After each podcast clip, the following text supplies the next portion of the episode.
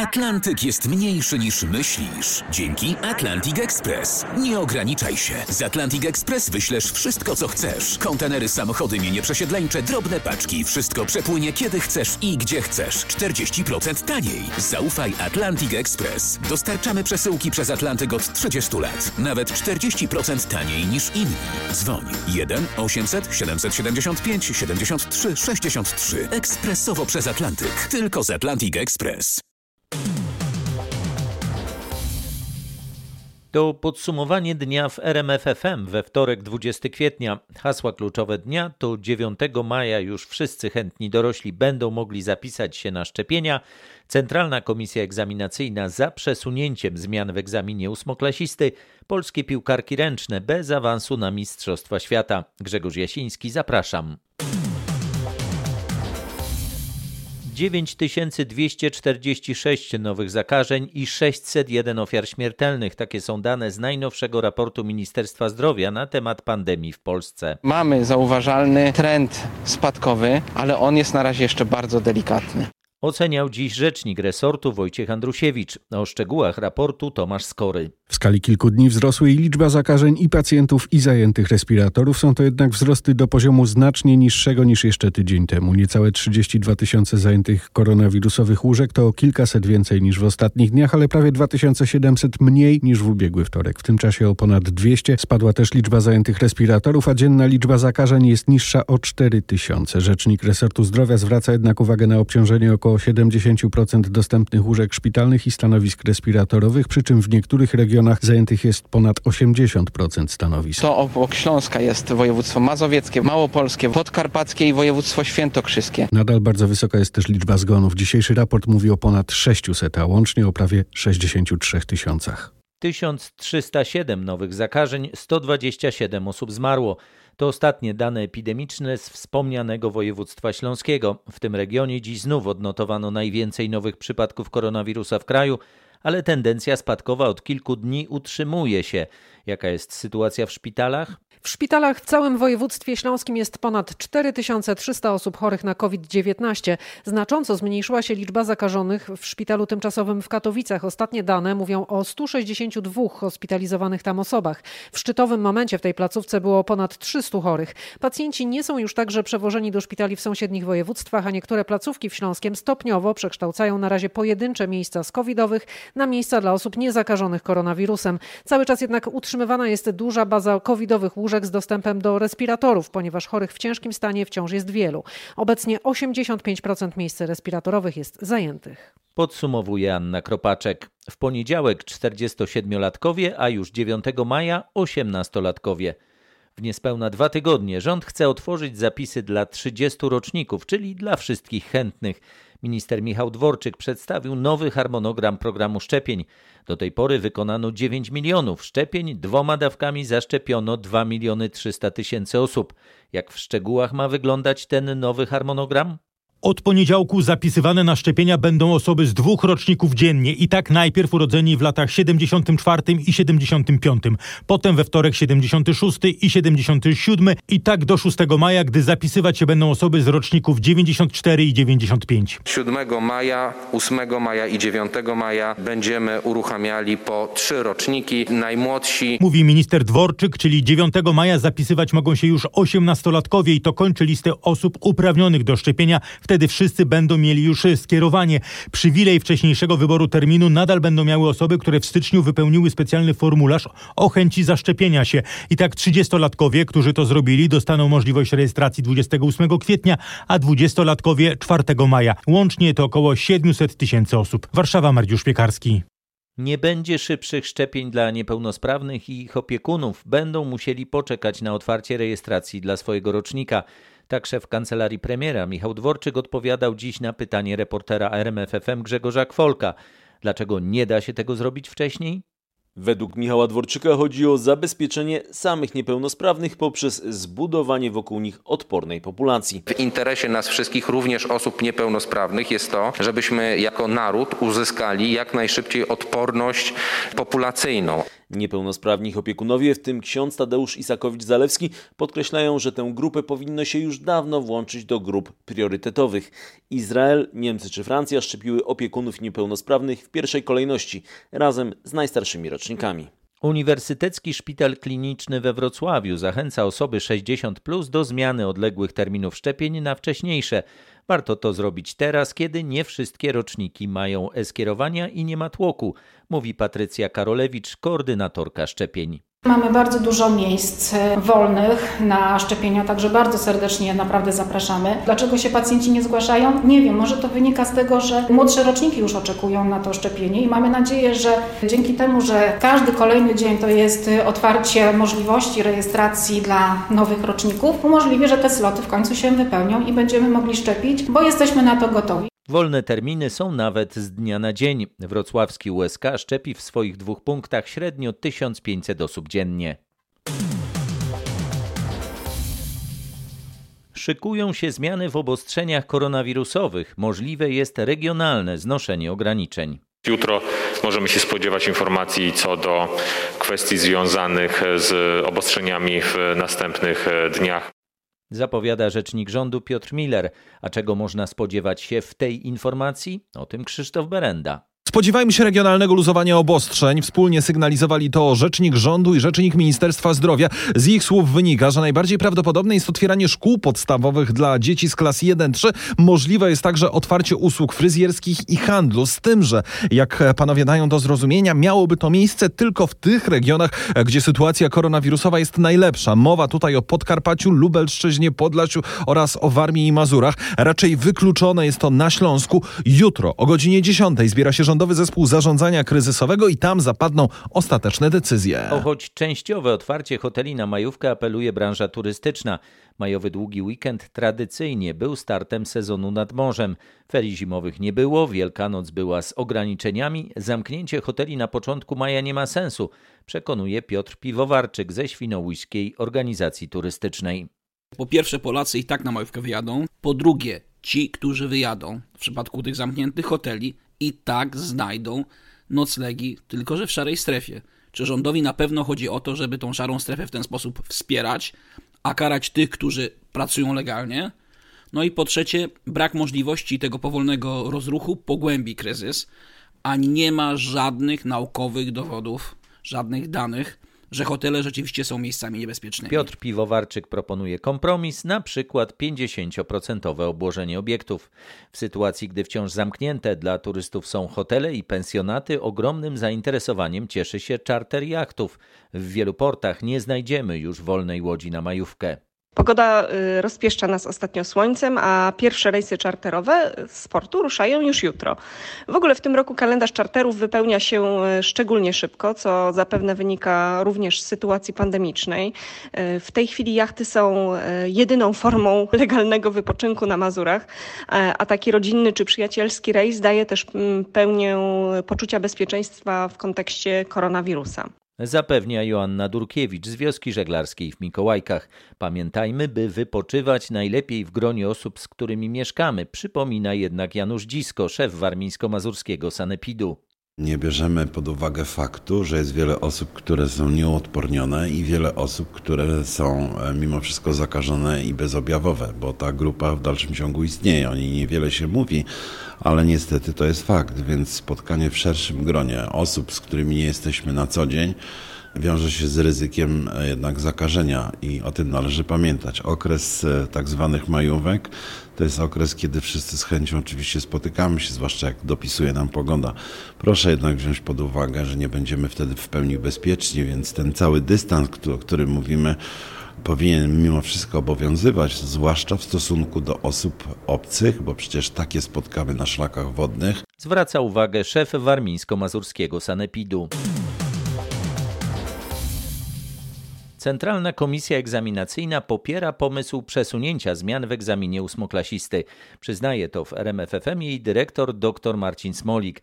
Przekonuje, że lada moment dowiemy się, co z dodatkowym przedmiotem, który uczniowie mieliby zdawać na koniec szkoły podstawowej. Dzisiaj mieliśmy spotkanie w tej sprawie z ministrem Czarnkiem. Wszystkie decyzje będzie już jutro na konferencji przekazywał pan minister. To pytanie, jaka jest rekomendacja Centralnej Komisji Egzaminacyjnej? Czy to, że mamy pandemię i działamy w zupełnie zupełnie niezwykłych warunkach, to jest mhm. dla Pana powód, żeby odłożyć tę zmianę na jakiś czas jednak? My bylibyśmy za takim rozwiązaniem, natomiast ostateczne decyzje będzie przekazywał jutro minister Czarnek.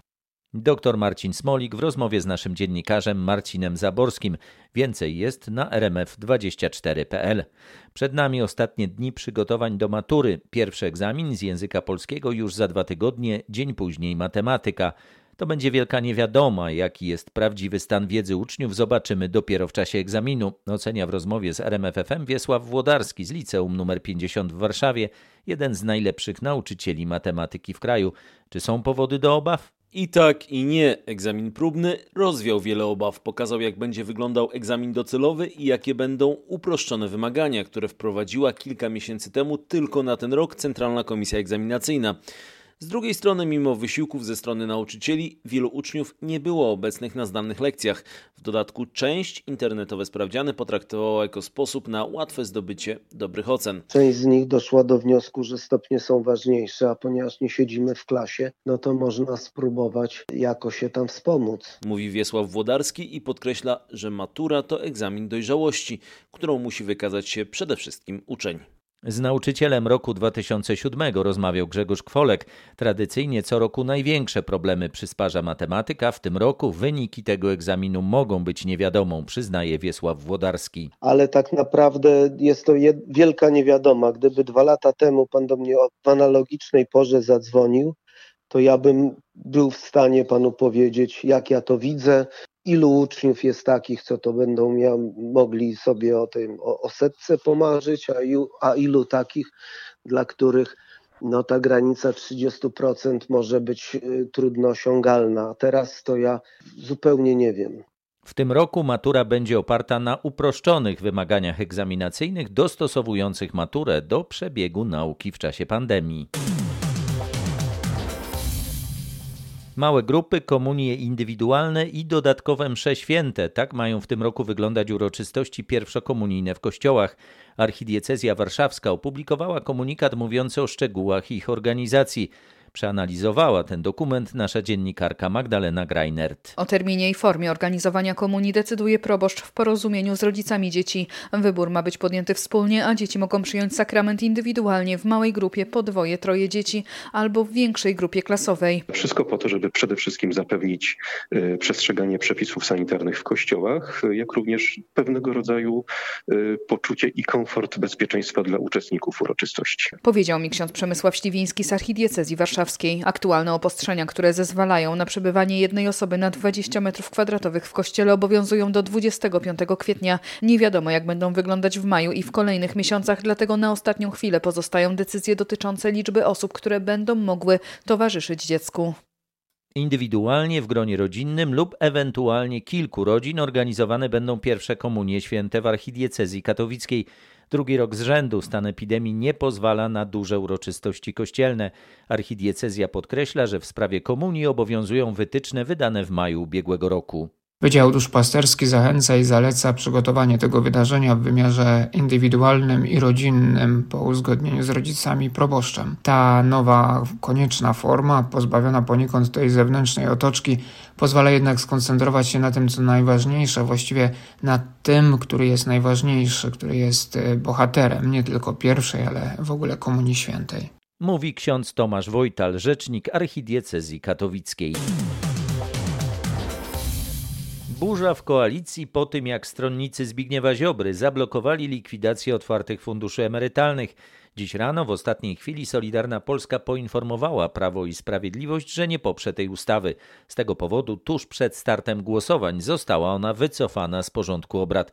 O co chodzi w tym sporze? Krzysztof Berenda. On ma kilka wymiarów. Pierwszy to jest próba zablokowania wielkich planów rozwojowych i inwestycyjnych szykowanych przez premiera Mateusza Morawieckiego. Likwidacja OFE i obłożenie zgromadzonych tam oszczędności 15% podatkiem miało dać rządowi nawet i ponad 20 miliardów złotych i tych pieniędzy na razie nie będzie, co jest dużym problemem dla premiera. Jest tu także konflikt osobisty, na przykład między bliskim współpracownikiem Morawieckiego, czyli szefem Polskiego Funduszu Rozwoju Pawłem Borysem, a Januszem Kowalskim z Solidarnej Polski. Kowalski, któremu przeciwnicy często wypominają startowanie kiedyś pod szyldem Platformy i wspólne uśmiechnięte zdjęcia z Donaldem Tuskiem, co jakiś czas lubi się odgryzać i na przykład wspomnianego Pawła Borysa też oskarżać o współpracę z Platformą, a teraz być może to przełożyło się także na blokowanie reformy OFE, bo Paweł Borys jest właśnie konstruktorem likwidacji OFE. To wszystko powoduje, że zlikwidowanie otwartych funduszy emerytalnych zostaje zawieszone, a Zjednoczona Prawica ma coraz większe problemy. A skoro o emeryturach mowa, ponad 25 tysięcy złotych emerytury co miesiąc otrzymuje krajowy rekordzista. Zakład Ubezpieczeń Społecznych ujawnił, ile wynoszą najwyższe wypłacane świadczenia emerytalne. Nie brakuje takich, którym ZUS wypłaca po kilkanaście tysięcy złotych. Najwyższą w Polsce emeryturę otrzymuje kobieta. Emerytka z Kujawsko-Pomorskiego otrzymuje co miesiąc ponad 25 300 zł, a jej staż pracy wyniósł 61 lat. Na tę rekordową kwotę pracowała do 80 i jest też druga strona medalu. ZUS co roku wypłaca coraz więcej emerytur groszowych. Otrzymują je osoby, które praktycznie nie pracowały. Jedna z najniższych takich emerytur wynosi 3 grosze. Otrzymuje ją mieszkanka zachodniopomorskiego, której okres składkowy wynosił zaledwie jeden dzień. Emerytalne statystyki podsumowywała Aneta Łuczkowska. Kto nie ma technicznej możliwości wziąć udział w spisie powszechnym w domu, może zrobić to w Szczecińskim Urzędzie Miasta. Szczeciński magistrat udostępnia komputery wszystkim, którzy nie mają w domu takiego sprzętu lub nie dysponują dostępem do internetu. Ze stanowisk można skorzystać w urzędzie i jego filii na prawobrzeżu miasta. Zainteresowanie jest oczywiście, tak naprawdę ten kalendarz wypełniony jest, no może nieszczelnie na, na kilka dni do przodu, ale na, na pewno w najbliższym tygodniu czy 10 dniach, każdego dnia kilka osób jest już zapisanych, są też wolne terminy, dlatego ta inicjatywa cieszy się sporym zainteresowaniem, aczkolwiek na pewno jeżeli ktoś zadzwoni, będzie chciał skorzystać, to taka możliwość na pewno się pojawi i komputer będzie udostępniony. Mówi Dariusz Sadowski z Urzędu Miasta w Szczecinie. Urzędnicy deklarują, że w razie konieczności pomogą przy wypełnianiu spisowej ankiety. Bardzo niskie stany krwi w Regionalnym Centrum Krwiodawstwa i Krwiolecznictwa we Wrocławiu. Potrzebne są szczególnie grupy minusowe. Gorący apel, żeby się zgłaszać do Centrum Krwiodawstwa, ponieważ mamy dużo, duże potrzeby. W tej chwili nasze stany krwi są trzykrotnie niższe niż jeszcze miesiąc temu. Zauważamy, że szpitale zamawiają naprawdę dużo krwi, więc wyraźnie widać, że wznowili operacje, zabiegi. Mówiła Adrianna Franz z Wrocławskiego Centrum Krwiodawstwa. W związku z pandemią akcje poboru krwi odbywają się rzadziej. Dziś zorganizowano studencką wampiriadę. Mimo tego faktu, że troszeczkę z siebie upuszczam, to tak naprawdę po wyjściu z Regionalnego Centrum Krwiodawstwa i Krwiolecznictwa wychodzę pełna. Napawa mnie to radością. Szczepionkę wyprodukowaliśmy w kilka miesięcy, a krew do tej pory nie możemy wyprodukować, więc ta akcja jest bardzo szczytna. Mówili studenci oddający krew. W czasie pandemii zmniejszyła się liczba wypadków na polskich drogach. W ubiegłym roku odnotowano ich aż o prawie 7 tysięcy mniej niż rok wcześniej. To wniosek z policyjnych statystyk, które przeanalizowali eksperci rankomat.pl. Nasz reporter Michał Dobrołowicz zbierał komentarze kierowców. Jest jeden wniosek, który może poważnie niepokoić. Niepokoi fakt, że w ubiegłym roku wzrosła liczba osób, które zginęły na polskich drogach z winy nietrzeźwego kierowcy. Taksówkarze, z którymi rozmawiam tutaj przy ulicy Kruczej w centrum Warszawy, komentują, że mniejszy ruch na drogach w czasie pandemii niestety może zachęcać nawet do brawurowych i nieodpowiedzialnych zachowań. Mimo wszystko ludzie nie uważają, bo jest pusto. Czyli to osłabia czujność? Tak, osłabia czujność, bo wydaje się, że jest pusto, raptem światło, dużo jest stłuczek przede wszystkim. To może być pułapka. Ostatnie miesiące pandemii pokazują, że największy problem na drogach to niestety wciąż nietrzeźwi kierowcy. Tylko w marcu wykryto ponad 5 tysięcy osób prowadzących samochód właśnie pod wpływem alkoholu. Jak wyglądał rok pandemii na polskich drogach? O wynikach raportu piszemy na rmf24.pl. Marek W., znany z pracy z dziećmi animator kultury z Trójmiasta, uznany winnym trzech przestępstw pedofilskich. Do więzienia ma trafić na 4 lata. Nieprawomocny wyrok w sprawie mężczyzny zatrzymanego w 2018 roku na terenie zlotu harcerzy na Wyspie Sobieszewskiej wydał dziś sąd w Gdańsku. Za co dokładnie odpowiadał Marek W? Za doprowadzenie do tzw. Tak innych czynności seksualnych i prezentowanie pornografii 14-letniemu chłopcu. Cały proces toczył się za zamkniętymi drzwiami. Utajnione było także uzasadnienie wyroku. Obrońca Marka W. przyznał dziś, że najpewniej będzie składał apelację. Jego klient nie tylko dostał karę bezwzględnego więzienia, ma także na przykład 10-letni zakaz przebywania wśród osób niepełnoletnich, a także 10-letni zakaz wykonywania działalności związanej z wychowywaniem, edukacją, opieką lub leczeniem dzieci. Biorąc pod uwagę dotychczasową aktywność zawodową y, oskarżonego, zawodu, który do tej pory wykonywał, wykonywać nie będziemy. Jak mówił po wyjściu z sali Tomasz Strzelecki, adwokat Marka W. Jego klient zajmował się smile coachingiem. Innymi słowy, był trenerem uśmiechu. Prokuratura, która chciała 8 lat więzienia, także nie wyklucza apelacji w tej sprawie. Informował Kuba Kaługa. Sąd rodzinny i dla nieletnich zajmie się nastolatkami z Lublina, którzy wieczorem układali kamienie na torowisku koło stacji Lublin Główny. Zauważył to w porę patrol Straży Ochrony Kolei. Taka nieodpowiedzialna zabawa może doprowadzić do wykolejenia pociągu. Sprawę przejęli już policjanci z Komendy Miejskiej Policji w Lublinie, którzy będą ustalać teraz podstawową kwestię. Jak duże zagrożenie mogli swoim nieodpowiedzialnym zachowaniem e, stworzyć nieletni i wówczas będziemy mogli podjąć kolejne kroki w tej sprawie. Mówi komisarz Kamil Gołębiowski. Przy szynach rozłożonych było kilka dosyć dużych, jakby bloczków z pokruszonego betonu. Na pewno nie ma wątpliwości co do jednego z zatrzymanych. Przyznał się do rzucania kamieni na torowisko. Jaka była rola pozostałych, to już ustalą przesłuchania nastolatków i strażników kolejowych, którzy patrolowali okolice. Relacjonował z Lublina Krzysztof Kot. Komisja Europejska rozpoczęła rozmowy ze Stanami Zjednoczonymi w sprawie wzajemnego uznania tzw. Tak certyfikatów covidowych, które umożliwią swobodę podróżowania w te wakacje. Przypomnijmy, w połowie czerwca ma być gotowy unijny zielony certyfikat cyfrowy, dzięki któremu będziemy mogli swobodnie podróżować na terenie Unii. Do których krajów spoza Unii będzie można udać się w te wakacje z zielonym paszportem?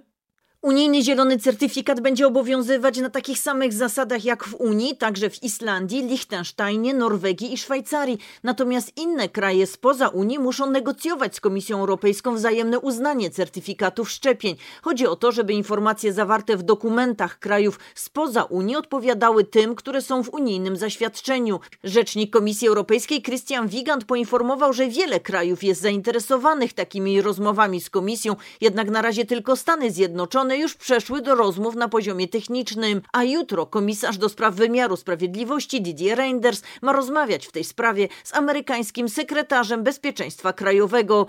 Informuje z Brukseli Katarzyna Szymańska-Borginon. Bezprecedensowa katastrofa grozi sławnej na całym świecie francuskiej sztuce kulinarnej. Taki alarm podnoszą paryscy związkowcy, według których duża część restauracji we Francji może nie przetrwać epidemii koronawirusa. Związkowcy alarmują, że mimo pomocy finansowej ze strony francuskiego rządu w niektórych miastach zbankrutować może nawet jedna trzecia restauracji. Sytuacja stała się nie do wytrzymania. Kawiarnie i restauracje są zamknięte już od blisko pół roku. Właściciele są coraz bardziej zadłużeni, bo muszą regularnie płacić różne rachunki, choć w zasadzie nie mają dochodów, tłumaczy przedstawiciel Związku Właścicieli Restauracji André Cuillère. Niektóre placówki gastronomiczne mają zostać częściowo otwarte w maju, ale może też zabraknąć pracowników. Szacuje się, że w związku z kolejnymi lockdownami ponad 100 tysięcy tysięcy kelnerów, barmanów i kucharzy zmieniło zawód. Relacjonuje z Paryża Marek Gładysz. Lider brytyjskiej opozycji Keir Starmer został wyrzucony z pubu. Do tego zdarzenia doszło w mieście Bath na zachodzie Anglii. Właścicielowi nie spodobało się to, że parlamentarna opozycja niewiele robi w celu skłonienia rządu do szybszego luzowania obostrzeń. Sporo było krzyku, przez moment sytuacja była naprawdę napięta, a wszystko rejestrowały kamery. Chodzi o to, że lockdown na terenie Anglii wprowadzono w styczniu, a dopiero tydzień temu otwarto piwne ogródki i goście zaczęli do pubów powracać. Do środka na szklankę piwa będzie można wejść dopiero w połowie maja. Lider opozycji Keir Stame jest bardzo dyplomatycznym politykiem. Zanim sytuacja wymknęła się spod kontroli, interweniował jego ochroniarz i obaj panowie kontynuowali rozmowę na ulicy, ale do porozumienia nie doszli. O czym informuje nasz londyński korespondent Bogdan Frymorgan. Niestety polskie szczypiornistki nie zagrają w tegorocznych Mistrzostwach Świata. Biało-czerwone przegrały w rewanżowym meczu barażowym z Austriaczkami 26 do 29. W pierwszym spotkaniu był remis. Spotkanie z trybun hali w podwarszawskich markach obserwował Patryk Serwański. Pierwsza połowa była w wykonaniu Polek nieudana, biało-czerwone męczyły się w ataku, powolna, niemrawa gra, problemy ze zdobywaniem bramek i w efekcie cztery bramki straty 11 do 15. Druga część meczu rozpoczęta przez naszą drużynę w dużo lepszym stylu. Polki odrobiły straty, na tablicy wyników mieliśmy remis 16-16, no ale po chwili nasze błędy i nieskuteczność i nagle już 16 do 19. Mieliśmy prawdziwą wojnę nerwów, pogoń polskiej drużyny i kolejny remis już po 22. Końcowe minuty w naszej grze jednak całkowicie nieudane, znów siadła skuteczność. Austriaczki zwietrzyły swoją szansę, podkręciły tempo i pojadą na Mistrzostwa Świata, a Polkom zostają telewizyjne transmisje. Polki nie awansowały na Mistrzostwa Świata drugi raz z rzędu. Siatkarze rozpoczynają sezon reprezentacyjny. Drużyna Witala Heinena powoli zjeżdża do Spały, gdzie będzie przygotowywała się przede wszystkim do Igrzysk Olimpijskich, to cel numer jeden, ale też imprez poprzedzających Tokio, takich choćby jak Liga Narodów. Każdy sezon, gdzie narodowa drużyna jedzie na igrzyska jest wyjątkowy, bo to jest impreza raz na 4 lata i nie zawsze się na niej jest jako, jako kraj, jako dyscyplina, więc uważam, że musimy to nie celebrować, ale zrobić wszystko, żeby być na niej jak najlepiej przygotowanym i dać sobie wszystko, bo można na tej imprezie być raz, dwa, a można na tej imprezie nie być nigdy i nie mieć za dużo szans jej wygrania, wygrania medalu. Mówi rozgrywający reprezentacji Fabian Drzyzga. Pod koniec maja we Włoszech turniej Ligi Narodów w pandemicznej bańce, potem memoriał Wagnera, Igrzyska w Tokio, a po Igrzyskach jeszcze Mistrzostwa Europy. Na długim targu w Gdańsku trwają przymiarki do oczekiwanego od lat remontu nawierzchni. Od wczoraj w okolicy słynnej fontanny Neptuna kładziona jest kostka brukowa. Na razie jednak tylko na próbę i tylko na fragmencie o wymiarach 5 na 5 metrów. Dlaczego na razie tylko tak mały fragment doczeka się nowej nawierzchni? Bo w tle zapowiadanego od lat remontu jest spór miasta z Wojewódzkim Konserwatorem Zabytków. To on wskazał, z jakich materiałów wykonana ma zostać nowa nawierzchnia. Jak informuje miasto, postawił wymóg ułożenia fragmentu na próbę, by można było ją ocenić. To od jego opinii zależeć będzie, czy użyte materiały będą mogły posłużyć do planowanego remontu długiego targu na całej jego długości. Mówiła Magdalena Kilian z Gdańskiego Zarządu Druki Zieleni. Mieszkańcy z jednej strony przyznają, że to dobre rozwiązanie, z drugiej mówią, że są już zmęczeni ciągłymi urzędniczymi przepychankami w tej sprawie. Pewnie całe lata teraz będzie akceptowana ten 5 na 5 kwadracik i pewnie się stąd prowadzę, zanim nawierzchnia zostanie zmieniona. Także... Pani tu mieszka w okolicy. Ja rozumiem. mieszkam ulicy obok. Jeśli nawierzchnia zostanie zaakceptowana, jej całościowa wymiana może ruszyć jesienią tego roku. Zapowiada Kuba Kaługa. Betonowiec z jeziora Dąbie pod Szczecinem może się rozpaść. Wrak pochodzącego z czasów wojny statku zbudowanego wobec deficytu stali w całości z betonu jest atrakcją turystyczną. Niestety koroduje i niszczeje. O jego zabezpieczenie do prezydenta Szczecina apeluje Zachodniopomorskie Stowarzyszenie Dziedzictwo Morza.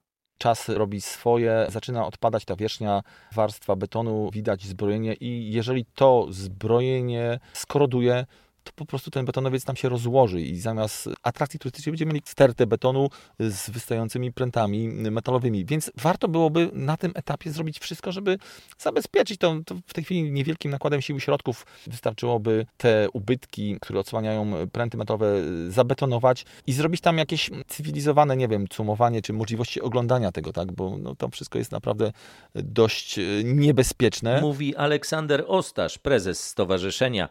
Znane są dwa wraki niemieckich betonowców. Ten z jeziora Dąbie to jedyny obiekt, który każdy może oglądać. Drugi betonowiec leży na morskim dnie koło Międzyzdrojów. Rozpoczyna się ostatnia dekada kwietnia, a w Tatrach wciąż panuje duże zagrożenie lawinowe. Na dzisiejsze popołudnie ratownicy TOPR ogłosili dla wyższych partii trzeci stopień zagrożenia. To oznacza, że w rejonie grani i szczytów nie powinien poruszać się nikt bez właściwego przygotowania, wiedzy, umiejętności i sprzętu. Prawie od tygodnia utrzymuje się ta trójka w wysokich partiach gór. Związane to było najpierw z opadami z wiatrem, teraz z wyższą temperaturą i ten śnieg po prostu nabiera wagi i łatwo się zsuwa po twardej, starej powierzchni. No ja na szczęście nie widziałam dzisiaj nic takiego. Ja sunęłam się bezpiecznie. Ciężki śnieg, bardzo mokry i słaba widoczność. Ale słyszałem, że też lawiniasto cały czas. Oj tak, dlatego Kasprowy tylko. Ratownika dyżurnego TOPR Mieczysława Ziacha i turystek wysłuchał Maciej Pałachicki. Jak przeprowadzić łosie przez ruchliwą drogę ekspresową? Jak się okazuje, to nie takie proste. A właśnie przed takim wyzwaniem stanęli strażnicy leśni z Reska w zachodniopomorskiem. Dwa łosie, samica i jej roczne młode próbowały sforsować drogę ekspresową. Sytuacja była niebezpieczna, zwierzęta mogły przeskoczyć przez odgradzający jezdnie płot, mówi Ewa Simonowicz-Woźniewicz z Nadleśnictwa Resko. Strażnicy leśni wraz z policją oraz służbami drogowymi próbowali nakierować klępę z wuszakiem na wybudowane pod trasą przejście dla zwierzyny, jednak się to nie udało. Zdesperowanym łosiom ostatecznie pomogli panowie z dzikiej zagrody w Jabłonowie koło Mirosławca. Zwierzęta dostały środek usypiający. W uśpieniu łosie zostały bezpiecznie przetransportowane na drugą stronę z szóstki i wypuszczone. Łosiom założono obroże z nadajnikami GPS, by monitorować, gdzie te dość rzadkie u nas zwierzęta się przemieszczają. Tyle na dziś. Na kolejne podsumowanie dnia w RMFFM zapraszam jutro wieczorem. Grzegorz Jasiński, dziękuję. Dobrej nocy.